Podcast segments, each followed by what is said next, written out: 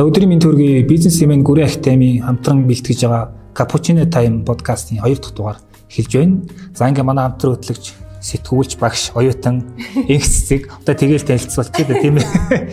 За гүрэн академи үүсгэн байгуулагч Давас Рисмен. За миний би бизнес эмийн ерхий редактор Давдарч. За тэгээд Cappuccino Time подкастын 2 дахь дугаараар бид нэр өнгөрсөн дугаарын сүүлээр ярьсан байгаа тийм well being буюу одоо минь дөршгүй гэдэг сэдвээр ярилцъя гэдэг. Ягаад тэгэхээр одоо юу гэдгийг хүний эрүүл мэнд гэдэг бол одоо зүгээр эдийн засгийн утгаар авч үзсэн ч гэсэн одоо хамгийн юм үнэтэй нөөц болчиход байна тийм ээ. Тэгэхээр ямар ч гэсэн одоо туулаа жил маань үзэсгэлэнт болгосон жил байсан тийм ингээд хоёр үзэсгэлэнтэй бүсгэд хамт сууж байна. За ямар ч гэсэн лууж идвэл хүчрхэг байх хэрэгтэй. Гэхдээ бас гол нь эрүүл байх хэрэгтэй тий. За тэгэхээр гүрэн ахтай маань бол одоо одоо resilience буюу хүнд нөхцөлийг даван туулах чадвар. За тэгээд одоо well being одоо бидний мэд оршихыг орчуулдаг ийм хоёр зүйлийг бас одоо сургалтынхаа агуулгад заадаг байгаа. Тэгэхээр энэ зэцгийг өнөөдөр бид нэр подкастын форматаар илүү баяжуулж ярихаар энд ирээд байна. За тэгээд а одоо даваасрангаас эхлээ асууя л да тий. Well-being гэдэг ойлголт ер нь ягаад энэ бол мэдээж одоо бүх одоо хүн чухал тий. А бизнестэй холбоотой ирэхээр бүр чухал ажилтан эрүүл ажилтан гэдэг нь бол ягаад тэгэхээр бас нэг баялаг болчиход байна тий яагаад энэ сэдвийг ярих хэрэгтэй гэдэг дээр эхлээд юу гэж бодож байна. Sorry. Даваас өрн зэрэглээ нөгөө энэ well-being гэдэг үгийг resilience гэдэг үгийг анх бид нэр нөгөө энэ нутгшуулаад агуулга гаргаж ирэхэд орчуулахад хүртэл хэцүү байсан те. Та тэрнээсээ эхлээд яриул. За яг хэдүүлээ нөгөө бид нар манай well-being and resilience гэдэг энэ хоёр сэдв ковидын дараа манай дэлхийн түвшний менежер хөтөлбөрт орж ирсэн. За энэ яагаад ингэ бид нар одоо орж ирмэгцэн л монголчуудтай хүрэх гээл ингэ ажиллаж эхэлж байгаа. Тэгэхэд яг тэр үед яг орчуулгын үед ч гэсэн айгу төвхтөө байх тэр үүс одоо well being гэл тэгэхээр те тэнгэрлэг орших уу гэж аашаа те яаж орчуулах минд орших уу? Те те бид нар явж явж байгаад минд орших уу гэж орчуулсан. Resilience гэдэг чинь болохоор өөрөө ингээд нэг юм уян хатан бат бүх чанар хэлээд байгаа байхгүй юу? Тэгэхээр хэдүүлээ энэ дээр болохоор яг одоо хувь хүний ур чадрын түвшинд аваад үзэхээр ер нь бид нар аливаа хүнд нөхцөл байдалд орчоод тэрнээсээ яаж хурдтай одоо буцаад энгийн байдалд орох юм бэ гэдэг одоо нэг тийм урт үгээр л тайлбарлах болчоод жишээ нь ингээд сууж байгаа тийм хэдүүлээ. Тийм тэгэхээр энэ одоо well being буюу мэд орших уу, за resilience хүнд нөхцөл байдалд орчоод дараагийнхаа зүйл рүү хэрхэн хурдан энгийн байдалд орох уу гэдэг бол яг одоо цаг үеийн олсон сэдв гэж би тэгэд бодоод энэ подкастын хаа сэдвэр сонгосон. Учир нь гэх юм бол Хэдүүлээ сая Улаанбаатар хотод маань одоо маш харамсалтай явдал тохиолдлоо тий. Ингээд бид нар ер нь ийм айхтар ослоо аваар бас ер нь харж байгаагүй тий. Маш том дэлбэрэлт боллоо. Тэрэн дээр ч нь болох нийгмийн сэтгэл зүйч бас нэг тодорхой дэлбэрэлт боллоо шүү тий. Нийгмийн сэтгэл зүй өөрөө энд хэзээч бид нар бол бол бэлэн бол биш. Энд дэр бэлэн байдаг нийгмийн сэтгэл зүйч гэж байхгүй бах тий. А гэтэл ч хэдүүлээ яаж яахээр бас судлаад үзэж байгаа байхгүй би тэгэхэд за энэ тохиолдолд ер нь бид нар байгууллагууд юу хийдэг юм бэ? Хувь хүмүүс юу хийх юм бэ? Захирлууд юу хийх юм бэ? Менежерүүд юу хийх юм бэ? Ажилтнууд юу хийх юм бэ гэдэг ингээд бодоод үзчихээн. Улс одоо засгийн газраас юу хийх юм бэ ч гэдэг юм уу. Тэг ингээд бодоод үзэхэр ер нь нийгмийг донслогсон энэ том маславаар энэ төр гарах юм бол заавал одоо сэтгэл зүйн судалгаа хийдэг юм байна. Одоо жишээ нь 2000 19 онд нөө Black Summer гэдэг те нөө Австралид маш том ийм галт төмөр болсон. Тэгээ тэгэхэд тэрний дараа бол ерөөс Австралийн их сургуулиас нь бүх хүмүүсийг хамруулсан том судалгаа хийсэн байгаа. Гэтэл тэр судалгаагаар юу гарч ийнө гэхээр тухайн одоо тэр юуг одоо галт төмөрт ингээд өртсөн хүмүүс бол мэдээч хэрэг сэтгэл зүйн хувьд маш хүнд байдалд байгаа. А гэтэл бүр хаа исэн хол исэн хүмүүс хүртэл тэрэнд сэтгэл зүйн хувьд ингээд бас өртсөн байт юм байна л да. Гэтэл хэдүүлээ яаж нөхөр сая ингээд айгүй том ингээд дэлбэрэлт боллоо гэхэд чинь тий тэр аваас болвол би болвол жишээ нь шүн ингээд шууд тэр дууг тэр айхтар чимээнээр бол э, сонсож сэрэл сэрмэгцээ ингээл хүн чинь юу болчих вэ гэл уцаа үздэг юм бэ. Тэгтэл одоо яг тэр дэлбэрэлттэй лайв энэ төр үзэл яг ингээд зэрэг юм шиг байж байна тийм үү. Гэтэл тэр хавьд байсан хүмүүс бас ямар байх вэ? Тэгвэл энэ юусоо яаж нэхэр ганцхан тухайн тэр э, орчмын хүмүүс ч биш. Ерөөсөө л энэ Монгол даяар тэр тусмаа Улаанбаатартайгаа хүмүүс юу гэж бодож нөхөр энэний оронд би ч бас байж болох байсан шүү дээ гэдэг ийм нөхцөл байдал үүсэж байгаа байхгүй. Тэгэхээр энэ дээр бол бидний одоо яриад байдаг нөө минд орших уу тий эн чинь бие бэлтрийн хувьд сэтгэл зүйн хувьд эрүүл байх гэдэг маань өөрөө яаж нэхэр альва нэгэн осол аваар альва нэгэн хүнд нөхцөл байдал амьдралд гараад ирэхэд хэдүүлээ ер нь энэ дээр яаж бэлтгэлтэй сэтгэл зүйн хувьд жоохон одоо хатуужлалтай байх юм бэ дархлаатай яг үнэ дархлаатай байх юм бэ л гэдгийг ингэ зааж байгаа. Тэгэхээр эн чинь өөрөө буцаал эдийн засгийн аюу том асуудал болчиход байна тийм ээ. Яг уу энэ дээр э, бас сая хэлж ин л та тийм маш том одоо ославар гарлаа. Тэгээ нэг ингээд лайвыг үзлээ гэж хэлж штэ. Энэ бол одоо нөгөө талаасаа яадаг вэ гэхээр ямар нэг судалгаан дээр хүмүүсийг social pressure буюу нийгмийн дарамтыг оруулж ирж агаад нийгмийн дарамтгүйгээр ямар шийдвэр гаргах нь нийгмийн дарамттайгаар ямар одоо дарамт шахалттай юм нөгөө өдөөс нөхцөл байдалд ямар шийдвэр гарах уу гэдэг ингээд хоёр янзаар аяуг судалгаа хийдэг байхгүй. Тэгэхээр би энийг бол яг нөгөө тэр бол судалгааны зохиомл нөхцөлтэй. А энэ бол яг бодитоор нөхцөл байдал бий болоо. Дээрэс нь ингээд social орчин гэдэг маш их мэдээлэл хуваалцдаг. Шуучууд одоо бараг л тухайн цаг мөчид real time мэдээлэлээ хуваалцаад хуваалцаад явж байгаа энэ нөхцөлд яаж ирэхлээр бид нар хүссэн үсээгүй нөгөө нийгмийн дарамт шахалтад ингээд яваад орчиж байгаа байхгүй. Тэгэхээр би тэр осол аваарыг ерөөсөө алсаа сонс болсон хүн байлаа гэхэд одоо сошиал дээр ороод тэр зураг хөрөг бичлэг бүх юмыг үзээд ингээд нийгмийн шахалт дарамтандаа ороод бүх бүх хүний одоо сэтгэл зүг хуваалцаад эхэлж байгаа аахгүй. Тэгээ тэр аваараа байсан ойрхон байсан хүний сэтгэл зүг хүртэл хуваалцаад ингээд дарамт шахалтанд орчиж байгаа аахгүй. Тэгэхээр ер нь бол эргэн тойрондоо манай одоо жишээлбэл хичээл дээр гардгийн бид нар юу яагаад одоо хүүхдүүдэд өнөөдөр хичээл заагаад эхэлсэн тий манай үндсэн бизнес үндсэн ажил бол байгууллагын сургалт штэ а гэхдээ бид нар сайн дураараа яг үнэндээ бас нийгмийн хариуцлагын өрөөнд хүүхдүүдэд бас хичээл заах хэрэгтэй. Ялангуяа өсвөр үеийнхнийг бас ур чадварыг бас ахиулъя тэгжээж байгууллагын хэмжээнд сайн ажилтнууд орж ирэх юм байна гэдэг ийм дүгнэлтэн төрөөд бид нар Англи Eton College тэгээ Stanford-д хамтарсан. А энээс үүдээд бид нар resilience гэдэг хичээл хүүхдүүдэд орж байгаа за well being гэдэг хичээлийг төлхөө тасан туршигчдад ороод ингэ явж байгаа байхгүй а тэр resilience гэдэг хичээлээр бид нэр одоо шинэ үеийнхэн зааж байгаа бүр хамгийн их ачаал бүгдлээ гэж хараад байгаа. Яг бол одооний нөгөө насны хүүхдүүд чинь юу болцсон байгаа те? Нөгөө айлын ганц те? Эсвэл хоёр хүүхдээ нэг энэ төр байгаад ирэхлээр нөгөө бүх анхаарал халамж над дээр гэдэг ийм өнцгөр байгаа тахлаар ер нь нэг ийм хатуужэл төсвөр төвчээр гэдэг талаасаа харьцангуй усвал би өөрийгөө илэрхийлэх чадвар ийм өндөр ийм болчиход байна те? Тэгэхээр тэр утгаараа бид нэр resilience гэдэг энэ хичээлийг орж байгаа. Энэ дээр одоо юу гэж хэлж гинөө гэхлээр одоогийн тэр энэ осолтой те? Энэ бас хүнд нөхцөлтэй холбоот харахаар эргэн тойронд болж байгаа бүх нөхцөл байдлыг бид нар хянаж чадахгүй байж мэднэ. А гэхдээ энэ нөхцөл байдал биднийг хянахыг бид нар зөвшөөрөхгүй байж чадна гэдэг байгаа байхгүй юу? Тий а өөрөөр хэлбэл энэ нөхцөл байдлыг тий хит их өөртөө гүн шингээж аваад эндээ живээд тий ингээ сэтгэл зүйн хувьд мэдрэмжийн хувьд хит живээд тэрэндээ удаан байхгүй байхыг одоо өөрөө контролдож чадна гэдэг ийм санаа хамгийн түрүүнд явдаг байхгүй одоо энэ хүүхдүүдэд хичээл орж а даваа сургууль багш бол илүү байгуулгын одоо ажилтнууд захирлуудтай тулж ийн. А одоо миний хувьд бол илүү хүүхдүүдтэй өсвөр үеийн 13-аас 17 насныхантай тулж байгаа. Тэгэхээр энэ хүүхдүүдэд яг ийм зөвлөх хамгийн хэрэгтэй байгаад байдаг Тэр энэ талаасаа бид нар бол яг энэ resilience гэдэг хичээлийг аваад явж байгаа. Тэгээд ийм зөвлөгөө өгч юм л та. Тэгэхээр яг энэ дээр бол бид нар одоо ямар юунуудыг те гаргалгаануудыг саналыг одоо ярих юм бэ гэдгийг бол дараагийн ээлжинд ярих те. Би зүгээр энэ дээр яг хуу зүгээр нэг нэмэрлээд ярихад би зүгээр хувийн үүднээс одоо ингэж л бодоод байгаа та сүүлийн үед Одоо ингээ бидний ийм одоо орчны бохирдол гэлээ дагаарын бохирдол, хөрсний бохирдол, ус мус гээл нэлээх бохирдолтой бас амьдарч байна. А ихтэй бас нэг амар том бохирдол байгаа бидний амьдрал тэр бол ийм мэдээлэл те. Яг үнэ яг бидний амьдралыг бас амар их бохирдуулж байгаа чи мэдээлч яахгүй юу. Одоо бүр хэрэгтэй хэрэггүй шүүлтүртэй шүүлтүргүй ингээд амар их тийм хогн мэдээлэл юм уу те. Зүгээр ингээл нөмрөл авж ийн бидэнд их те Тэр үл ингээд ерөөхдөө юу гэдгийг бид нэр тэр бидний тийм нийгмийн сэтгэл зүйн, хувийн сэтгэл зүйн дархлааг ингээд бүр бодоо олгож байгаа байхгүй юу. Тэгэхээр энэ дээр зүгээр хувь хүмүүс ингээд одоо мэдээлэлтэй яаж ажиллах вэ те өөрийгөө тийм одоо юу гэдгийг хортой мэдээллийн орчноос яаж тийм одоо юу гэдгийг хол байлгах вэ гэдэг юм. Яг энэ бол айгүй хэцүү. А гэхдээ энэ тал дээр угаасаа ингээд бодохгүй бол ер нь байдал хэцүү болцсон байна. Одоо нодлон би нэг ном уншижсэн мэдээ уншихаа боль гэдэг тийм ном. Тэр ном хүнд илүү таалагдсан гэж сэтгүүлчд илүү таалагддаг байхгүй. Яг тэр мэдээ гэдэг чинь ингээ хитрхийн ингээ сүрэг юмнууд мэдээлэл урсгал ороод тэгэхээр тэр хүний амьдралд ингээ нөө дискомфорт үүсгээд ингээ бүр нэг юу сонирн болгочдөг юм байл та.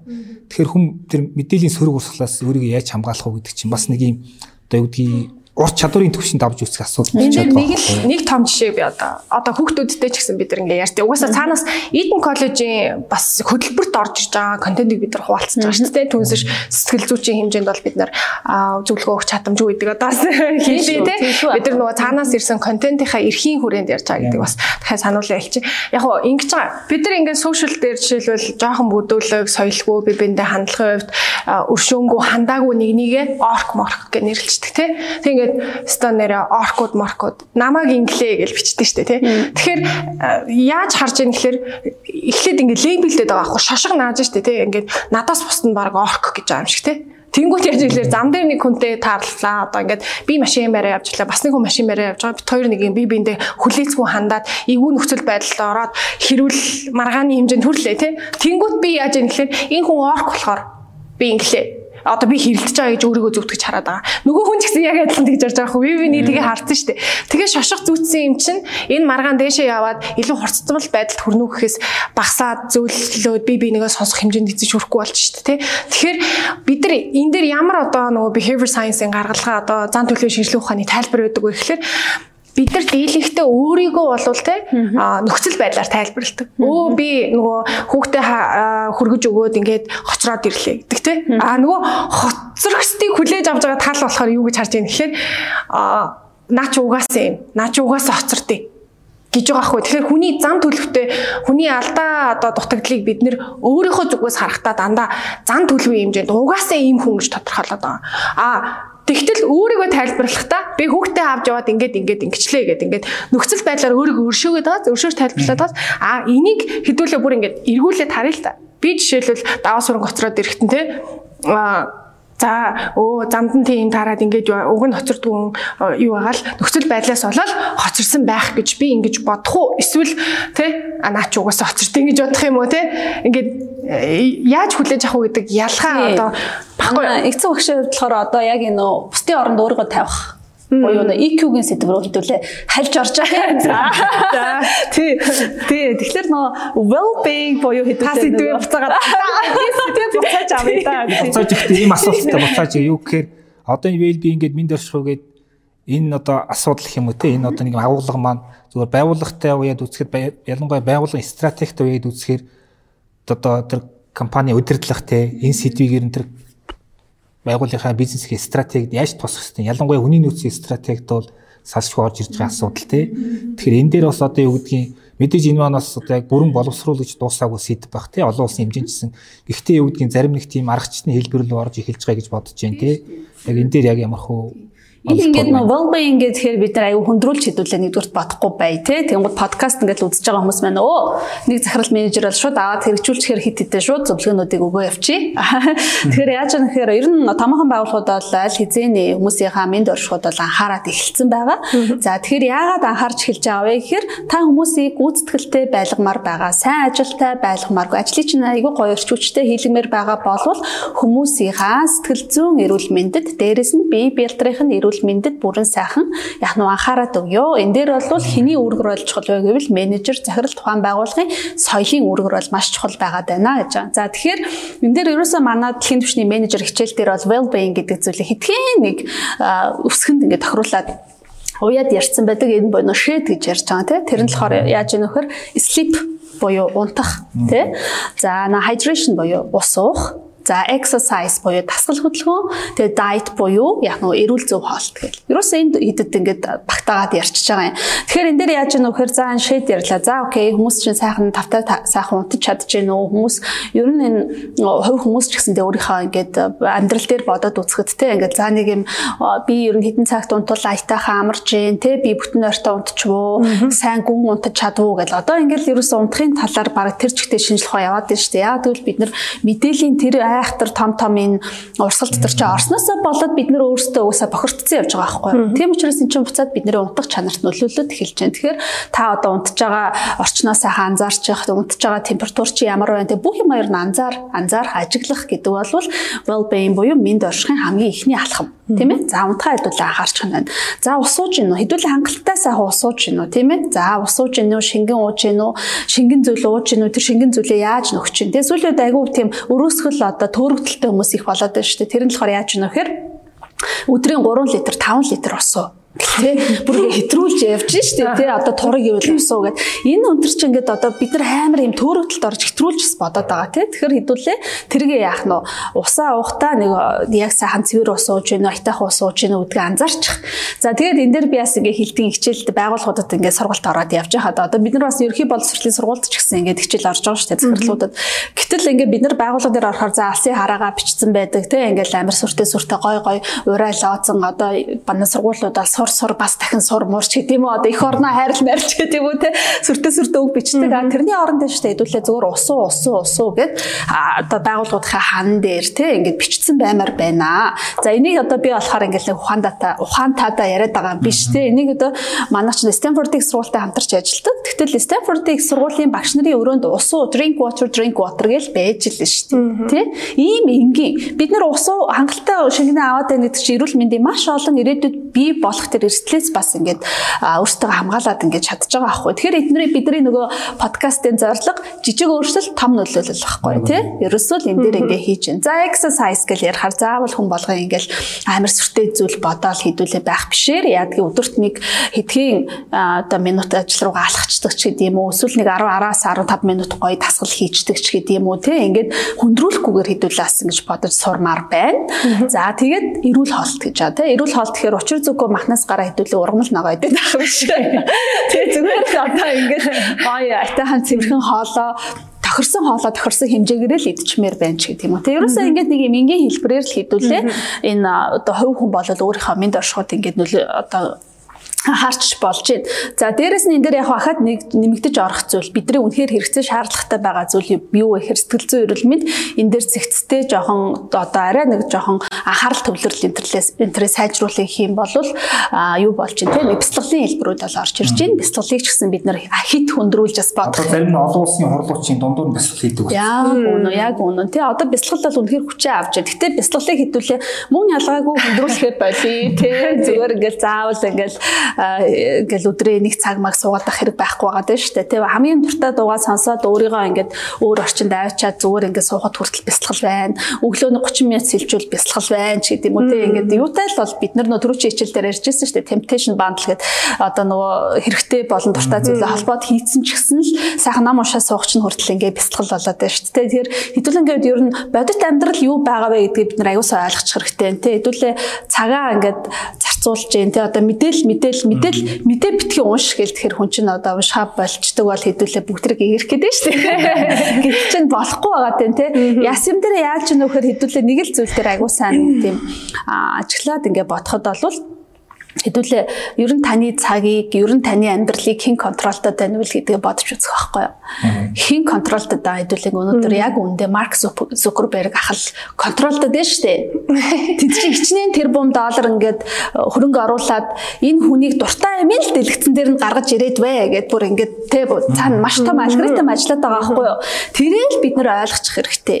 Тэ юм бол за окей даасруу өөрийнхөө цагийг өөрөө удирдаад өөрийнхөө мэд оршиход анхаарал явах уу тэр хаас Америкт байгаа Марк Зукерберг ахт одоо удирдуулах уу гэдгээл ядаж нэг хэдүүлээ нэг жоохон баланстай бодож эхлээд тий ингээ явчмаар байна. Тэгэхээр энэ дээр бол яг сая хэлж байгаа энэ жишээтийг ингээл ярихад байгууллагын удирдлагууд ч гэсэн энэ дэр хүмүүс дээрээ сайхан харчж болж байна. Манай гүрэн актем ч одоо бид нар өөрсдөө энд хоолоо хийж чинь тий хоолоо авчраад хийчдэг юм бас нөхцөл байдлын л бүрдүүлээд хэрэгтэй. За усуу усуу өгчөө дуудаг ус нь байхгүй байж болохгүй тий. Тэгэхээр яах нь ус нь сайхан байж хэрэгтэй байна тийм ээ. Хор хоорондоо бас нэг дасгал хөдөлгөөн хийждэг, хоорондоо нэг мэдээлэл хуваалцдаг. Нэг энэ ингээд үндсэн соёлоо бий болгоод амар байгаа байхгүй юу. Тэгээ байгууллага менежер удирдлагууд өөрсдөө ч гэсэндээ ингээд юу хийгээд тий жоо үлгэрлээд зуурал олгоод ингээд би өнөөдөр нэг ийм тасгал хийж үзлээ. Инглээ тэглээ гэдэг өөрийнхөө бас туршлагыг хуваалцаад ингээд явах чинь л яаж ийн гэдэг чинь ерөөсөө нөлөөлөл соёл гэдэг зүйл ба тухайн байгууллага хүмүүсийнхаа мэд оршихуд л одоо нөлөөлөд байна л гэдэг туслаад байна л гэсэн үг байхгүй тийм ээ. Тэгээ бас миний анзаарснаар одоо энэ мэд орших гэдэг ойлголт маань яг зүгээр яг бизнес талтайгаа ихаад холбоод ярихаар ийм бүтээмж асуудал болчиход байгаа хөх тийм. Ямар хүнээс одоо бүтээмж авах мэдээж эрүүл ийм 50 байгаа хүнээс л бүтээмж байгаа нь би өөр дээр анзаархаар ч гэсэн ингээд одоо алхах чинь бас нэг ясны одоо бясалгал те үгдгийн алхахаар ингээл угаасаа бид нар чинь илүү нөгөө нэг юм тексттэй янз янзын шин санаатай ажилт хүмүүс алхахаар ингээд бодол санаа зэгсрээ те. Тэгээ шин санаанууд төрн тэгээ нэг бодох бичих хоёр чинь ингээд зарим тохиолдолд үгдгийн чимээг орчин ингээл зүгээр бичээ сууж яхад тэмдэглэл хөтлөх юм уу. Тэгэхээр бодол санаа ингээд дагаа зэгсрээл бичих бодох хоёр нэг нэг ингээд дэмжээ явцдаг. Тэр нь ингээд эргээд харахаар юм айгуу гоё тийм бясалгалын шинжтэй мэдрэмж өгдөг те. За гүүх жалгаагаа бас бясалгал болдог гэж ярьдаг юм лээ те. Тэгэхээр цэцгээс бас бүтээмжтэй холбоотой асуугаад сүүлийн үед нэ хөдөлмөрийн зах зээлд маань юм шинэ үе төрж орж ирж байгаа шүү дээ. Тэдний хувьд бас одоо юу гэдгийг бүтээмж гэдгийг арай л өөрөөр хардаг болцсон тэр цагийн хоор мэддэг чи өөрөөр хардаг болцсон те. Яг энэ дэр холбоо ярихад тэр вэлбин гэдэг нь энэ дээр яаж холбогдож байна? Ер нь тентэр дээр ямар зүйл ажиглагдаж байна? Яг сүүлийн үед ер нь судалгаа одоо сургалтын агуулгач гэсэн аяг өөрчлөгдөж байгаа дагаад аа бид хэд одоо жил болгоно л баг заах арга зүй сургалтанд явж гин те англи руу. Тэгэхээр юу харагдаж байна гэхээр аа нөгөө ажил амьдралаас салга малга гэл одоо дарга марга загинд штэ те чиний тэр гэртээ тэгдэг чинь тэндээс юм байгаа азмагаац те. Энэ дээрээс ажил хэрэгч байна шүү мэн шүү гэд.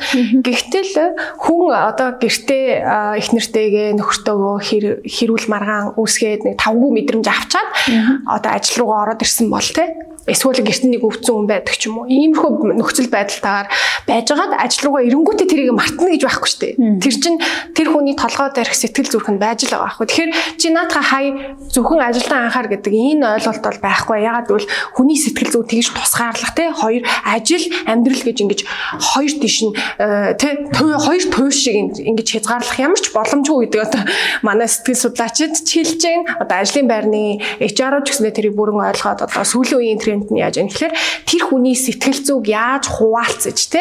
А арай зөөлөх одоо өөрөөр хэлбэл хуваалцсан гэдэг чинь а нөгөө талаасаа ямар арга хэмжээ авах уу яах уу ийх үү гэдэг дараагийн шат арга хэмжээгээ аваад тухайн хүнийг бас ажилдаа эргээд төвлөрөх боломжийг тодорхой хэмжээнд олгоод нэг юм нөгөө дундын нөхцөл рүү аваачна гэсэн үг шүү дээ тий.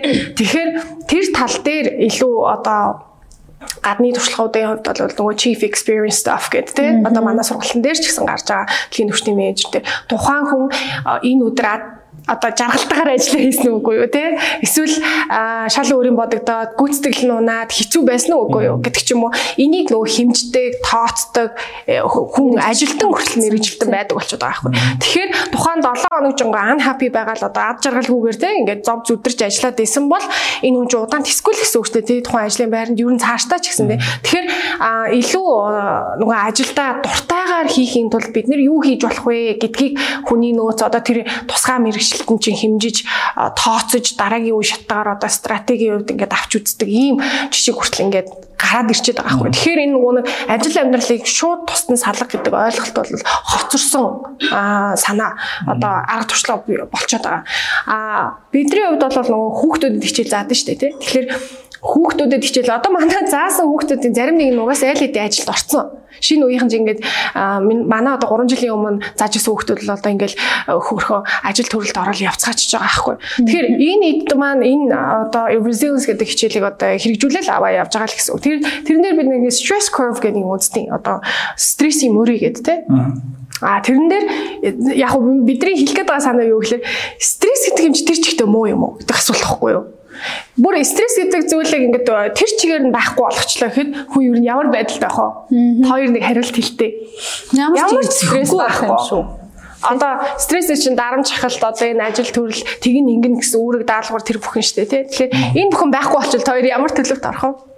Өстой ойлголтгүй. Ямар ч гэсэн юм яг хөө стресс зарим талаараа одоо нэг юм үгдгийн өдөөгч тий одоо нэг урагшлах тэр хүчийг одоо өдөөж идэг нөгөө нэг юм одоо нөгөө философи философч гэсэн ярьдаг шүү дээ. Ингээд эерэг сөрөг хоёр байж ич ингээд нэг юм одоо динамик оршдог гэдэг ч юм уу яг тий. Тодорхой хэмжээнд байх л ёстой зүйл. Гэхдээ тэрийг менежмент хийх л ёстой байх. Аа хитрүүл тэгэл э, миний нөмсөж байгаа улаан дэш шиг л стресстэй болчихвол тий хэлбэр штэ тий аа зүгээр нөө нэг би нөө юун дээр ингээл явж хахад тий нөө стресс бол тодорхой хэмжээнд зөв хэмжээндээ байвал аа бүтээмж алгаа өндөр байлгадаг. Гэхдээ тэр стрессийг биш үү? Одоо ингээ үргэлжлүүлээд ярихад стрессийг яаж тэр ногоон дээр нь байлгах уу гэдэг чинь менежер ажиллахгүй? За тэгвэл энэ дээр яг асуу одоо хүн бол одоо амьдралынхаа 3-1-ийг дор хаяж ажил дээр өнгөрөөж байгаа тийм энэ бол одоо хамгийн идэвхтэй цагаад тэр ажилдаа зориулж байгаа тийм а тэн тэгэхээр бас ялгаагүй одоо багийн төвшин там толны төвшинд тэр уур амьсгал гэдэг зүйл яригдана, стресс гэдэг юм яригдана, тэр сэтгцэн эрүүл мэндийн яригдана тий. Тэгэхээр яг саяны өөрөөс чи хэлсэн шиг нөгөө нэг энэ бүхнийг менеж хийх чи яг нөгөө менежерүүдийн гол ажил болчиход байгаа. Тэгэхээр одоо 21-р зуунд менежерийн хийх ажил дээр бас юм ажилтнуудын тэр сэтгцийн одоо well being хэмтэй сэтгцийн эрүүл мэндийн юмнууд давхар орж ирэх хэрэгтэй болчиход байна те. Тэгэхээр энэ дээр зүгээр одоо юу гэдгийг бас компаниуд юу анхаарах вэ? Ер нь яг тэр талд менежерийн төвшөнд яаж анхаарах вэ? А одоо нөө нэг ингэж байгаа байхгүй юу? А манайхан ер нь нэг бүтнээр ингээл бодоод ингээ харахаар одоо хэлж штэ за гэр орондоо асуудалтай байлаа. За нэг хүн ингээ хүрээдэрлээ. Менежер ажиглалчлаа. За хамгийн ихний алхам бол ерөөсөө хүмүүсээ маш сайн ажиглах Ажиглалтын бас ингээ алхмууд байна. Асуултууд байна. За тэр асуултуудыг алхасчи. Бараг хичээл заах гэдэг. Тэгэхээр за тэгэхээр яах нь те за энийг хит хит алхмуудыг ингээ хийчээ. За жишээ нь бол энэ хүн заа заа гिचээд үйлдэл нь бол үгүй гэдэг нь үү гэдэг ч юм уу те ингээ ажиглаад харах нь байна. Нэгт. За хоёр дахь юм болвол ямар нэг зүйл тухайн хүн ажилтан чинь тань дээр асуудлаа ярих юм бол зөвлөгөө өгөх гэж битгий ерөөсөө яар гэдэг. Тий. Манайхан нэг юм сонсох гэдэг чинь өөрөө маш том урлаг болчиход байгаа шүү дээ. Хариулахын тулд битгий сонс. Ойлгохын тулд сонс гэдэг байгаа шүү дээ. Тий, одоо зөвлөхийн тулд битгий сонс. Тэ? Зүгээр л сонсохын тулд сонс буюу ойлгох гэдэг шүү дээ. Аа, за за окей окей ийм асуудал болоод байгаа юм байна гэд тэ. Тэгэхээр манайхан ингэдэг нэг юм хүнийг сонсонгуудаа хэрэгтэй хэрэггүй баахан зөвлөгөө өгчдөг.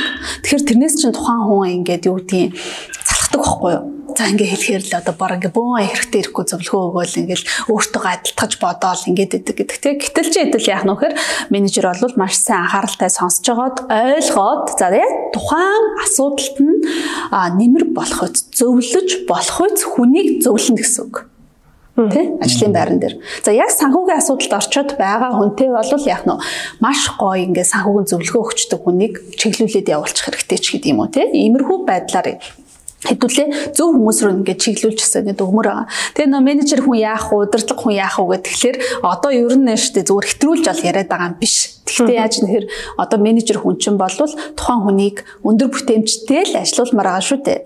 За тэгэхээр яаж нэхэр өндөр бүтээмжтэй ажилуулахын тулд бараг сэтгэл зүйчийн хэмжээнд өөрийгөө бэлдэх хэрэгтэй болчиход байгаа хгүй хүн удирдна гэдэг чинь ер нь баг дараагийн төвшөнд бол гарчаад байгаа. Тэгэхээр яах нөхөр за ер нь бол нэг ажил даалгаад хийлгээд байх нэг асуудал а тухайн хүнийг чихнээсээ ойлгоод оногцсон тухайн тэр ажлынхын цагт маш сайн гүйцэтгэл гаргуулна гэдэг чинь баг урлаг болчиход байгаа хгүй тийм. Тийм учраас одоо хуучин болвол яадаг гэсэн хэрэг ингээл илүү цагаар суугаал ажиллаа левел тухайн хүн сайн байна гэж хардаг байсан бол одоо ч хүмүүс юу гэдэг юм бэ баг нэг өдөр нь зайнаас ажиллая ингээ тгий гэл өөрчлөгдөд нь шүү дээ. Тэгэхээр нөө удирдах байгаа арга барил чинь ч гэсэн яг байгаа л өөрчлөх хэрэгтэй байхгүй. Тухайн хүн зайнаас байсан ч гэсэндээ ажиллаа яаж өндөр гүйцэтгэлтэй хийж явах юм бэ? тэр хүний сэтгэл зүйг нь яаж бэлтгэх юм бэ л гэж одоо менежерүүд бол ажилдаг байх шаардлагатай байгаа тийм. Тэгэхээр энэ ерөөсөө байгууллагын соёл за тэгэл нөгөө хүн чинь хүчир зүгүү баха өөрийнхөө туршлагатай адилтгаж бодож зөвлөхгүй байх тийм. Одоо жишээ нь одоо юу гэдгийг санхүүгийн асуудалтай болсон бол тэр хүн рүү чиглүүлэх нь байна. Гэр бүлийн асуудалтай болсон бол гэр бүлийн одоо тий зөвлөгөө өгчдөг хүн рүү чиглүүлэх хэрэгтэй байна. Тий энэ мэтчлээ ингээд хүмүүсээ асуудлуудаа маш сайн ялгаж салгаж ойлгодог бас байх хэрэгтэй байна л гэж яг хуу хүнийхэн талаас илүү ярих юм бол зарим үед яг өндөө зөвлөгөө өсөж өрөөсөө өөрийгөө илэрхийлж ярьдаг байхгүй юу? Зүгээр л ярих хэрэгцээтэй өөрийгөө илэрхийлэх тэр дотор байгаа маш их овоорсон юмыг те гаргаж гадагшлуулахын тулд л ярьж байгаа гэдэг аюус ойлгомоор байхгүй те. Тэгээ тийм үед хэрвээ тийм үе тохиосон бол менежер хувьд ч юм уу илүү зүгээр асуулт асуугаал дэлгэрэнгүй яриулах те сэтгэлийг нь онгойлгох талаас нь чиглүүлэх хэрэгтэй болохоос шүү дээ нөгөө зөвлөгөө өгөх гэж ярах хэрэггүй гэдэг чинь тэрэндээ л байгаад байна. Одоо нэг тий коуч нар чи яг тэгж ярьдаг юм шүү дээ. Ингээд одоо зүгээр менежер байтугай ингээд захирлууд маш их тийм одоо юу гэдгийг дарамттай байдалд үе ордог шүү дээ. Одоо маш их ганцаардах үед тий одоо юу гэдэг ягаад тэгэхээр өөрөөс нь өөр шийдвэр арах хүн байхгүй. Гэтэл яаж шийдвэр ямар шийдвэр арахаа мэдэхгүй те. Хинд яаж хандахаа мэдэхгүй. Яг тэр үед нөө коуч нарын яг хийдэг ажил гарч ирж байгаа. Гэтэл эдгээр бол ингээд заахын тулд биш сонсдог ус зүгээр ингээд тэр захирал ингээд өөрөө ярьж явах хэвцээ өөрөө өөрийгөө ойлгоод эхэлдэг гэж байгаа байхгүй тий. Тэгээд доторд нь ингээд одоо мэдрэмжүүд нь зэгсрээл тий. Тэгэд өөрөөр нь өөрийг нь олуулах нь ерөөхдөө юу гэдгийг тэр коуч нарын за тэгээд одоо менежерийн төвшөнд бол ажилтнтай харьцахтай тэр тэр ажилтаа өөрөө өөрийгөө ойлгохт нь сонсох юу гэдгийг. Одоо маа дээр ч нэг нөө коуч хийж удирдах гэд бас юм хичээл байгаа байхгүй. Тэр бол ярь нь бол яг одоо мэрэгжлийн коуч болъё гэвэл бараг нэг жил энэ тэр сургалтын зураал бас энэ чинь найрын шүү дээ тий. А гэтэл яг ажлын байран дээр удирдлагын төвшөнд бас яаж би бинийгаа коуч хийх юм бэ гэдээ тусдаа ингээ аргууд байгаа байхгүй тий. Тэрийг бараг хэдүүлээ дахиад бараг өөр сэдв болгоод ярьсан ч бол ярихаа. Гэтэ ер нь бол коуч коуч гэдэг бол одоо би ч гэсэн өөрөө коучлүүлэл ментортэй явдаг хүний хувьд бол хизээч одоо юу гэдгийг миний өмнөөс шийдвэр гаргахгүй, миний сэтгэл хөдлөлийг тэгж айхтар хуваалцахгүй, хамт уйлждуулаад байхгүй тий мэрэгжлийн төвшөнд яг асуултууд асуугаал яг өөрөө өөрөөр нь олуулах эсвэл нэг унших материалууд хуваалцах тий за даав чи нэг ийм асуудалтай байгаа юм байна. Энийг нэг уншичаараа, энийг нэг харчаараа энэ асуултууданд чи өөрөө өөрөө хариулаад үзээрэй гэл бэжидэл чинь бид нар дараагийнхаа арга арга чаргаа ингээд олцдог. За коучлуулах нь битгий хэл бараг л түрүүн ингээд хүмүүстэй найз нөхдөйгөө ярьж байгаа хооронд л бараг өөрийнхөө гаргалаа гаргацдаг шүү дээ бид нар тий. Тэгэхээр энэ ярилцах, сонсох гэдэг чинь өөрөө маш тийм чухал байгаа даа. Тэгээд яг ер нь бол well being гэдэг зүйл бол байгууллага дээр бол ялтчгүй бөөнөрөө нэгдэжээж ер нь за хэдүүлээ энэ жилийн хувьд бүгдээрээ бие биенийхээ одоо минд минд оршиход дор бүрнээ өөр өөртөө бас хичээцгээе гэдэг тийм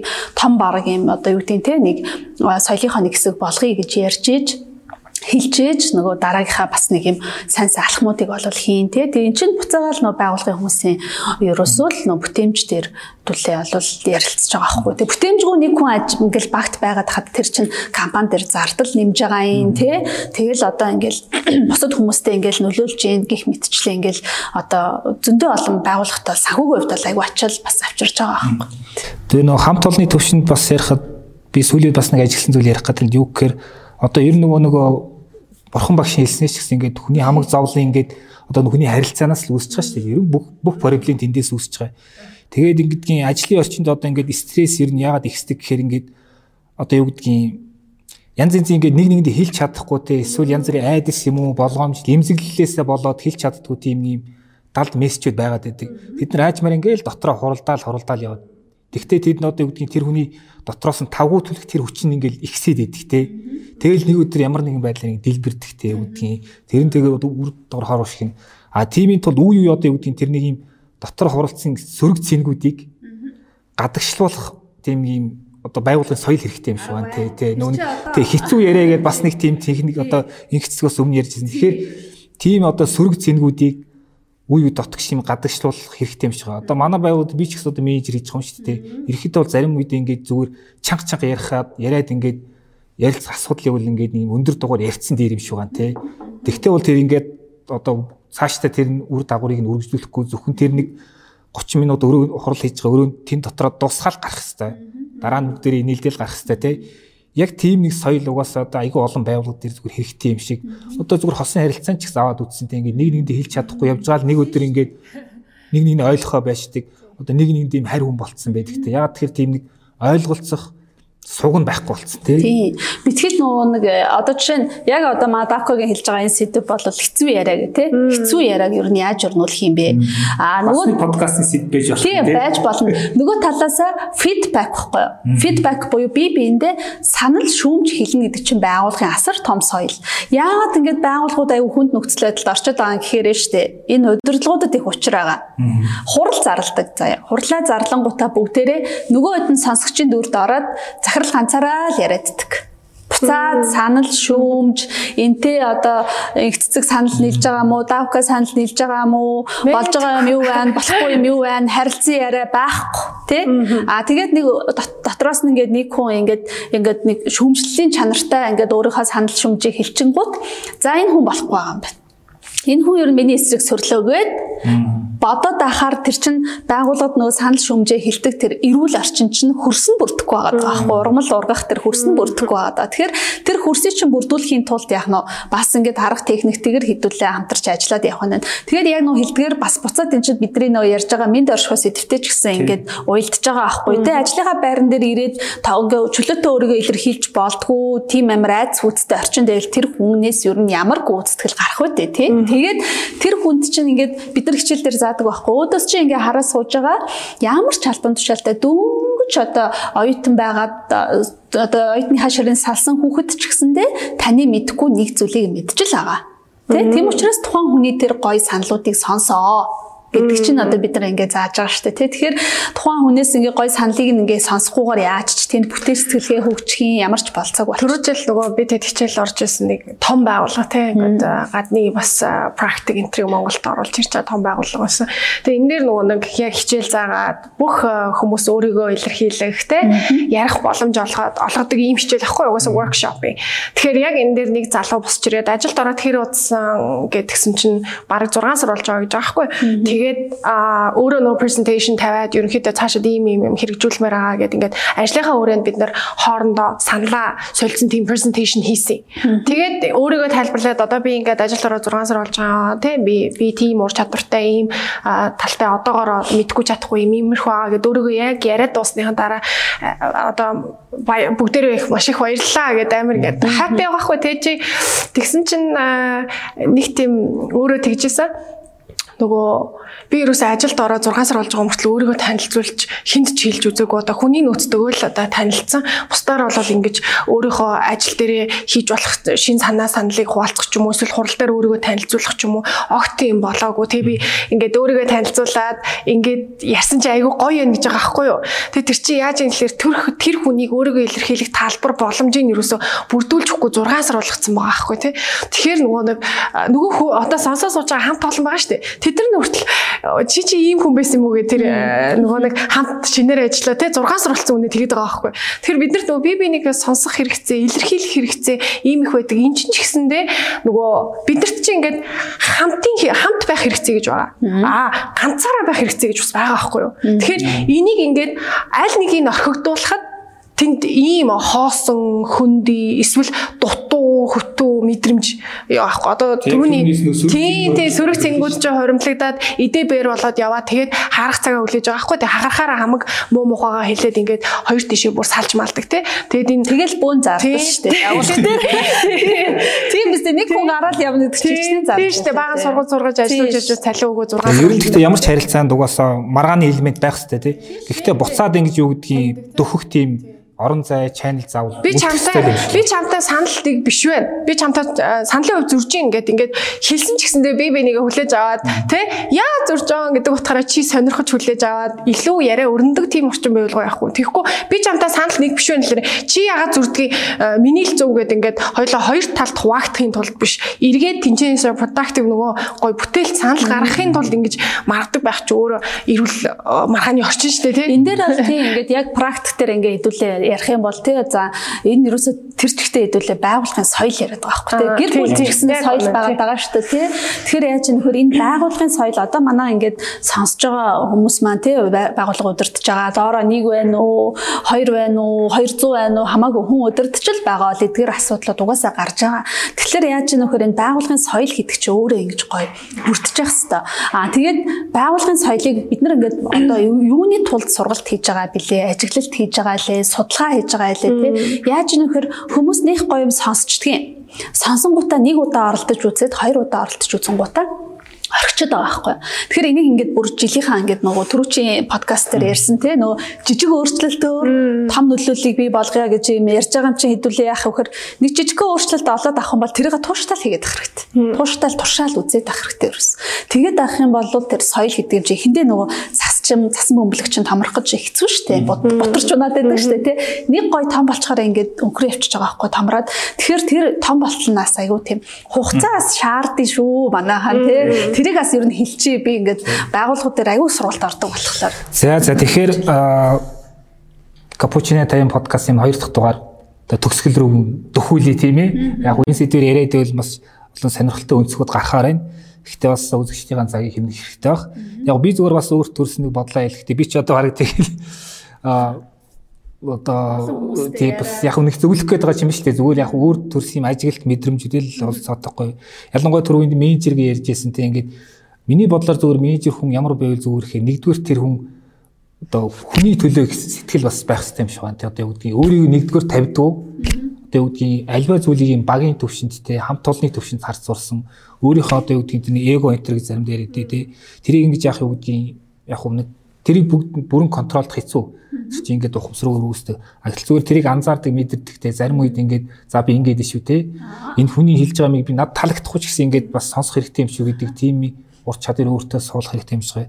Тэг яг хуу захирлуудын хувьд ерөөхдөө бас юу хийвэл дээр үх ингээм одоо сая бидний ярьлаа ингээд тийм янз бүрийн харилцаа янз бүрийн сөрөг бэ эрэгч вэ мессежүүд чөлөөтэй урсдаг тийм харилцааны орчин үүсгэжүүл аяанда байгуулга ингээд тийм одоо юу гэдэг ус шиг ингээд цэвэршээ тунгалагшаад тэгээд одоо сайн хүмүүсийг татдаг тийм одоо соёл бий болно те гэж зүгээр бодоод байна. Тэгээд хоёр хөтлөгчийн бас подкастаа төгсгч хэлэхэд одоо бас одоо тавчхан хэлэх мессежүүдээ хэлээд гурлаа капучино тайма дуусах гэдэг тийм ээ. Тий. Яг уу түрүүн бас ямар ч стрессгүй бол юу болох вэ гэж би асуусан шүү дээ.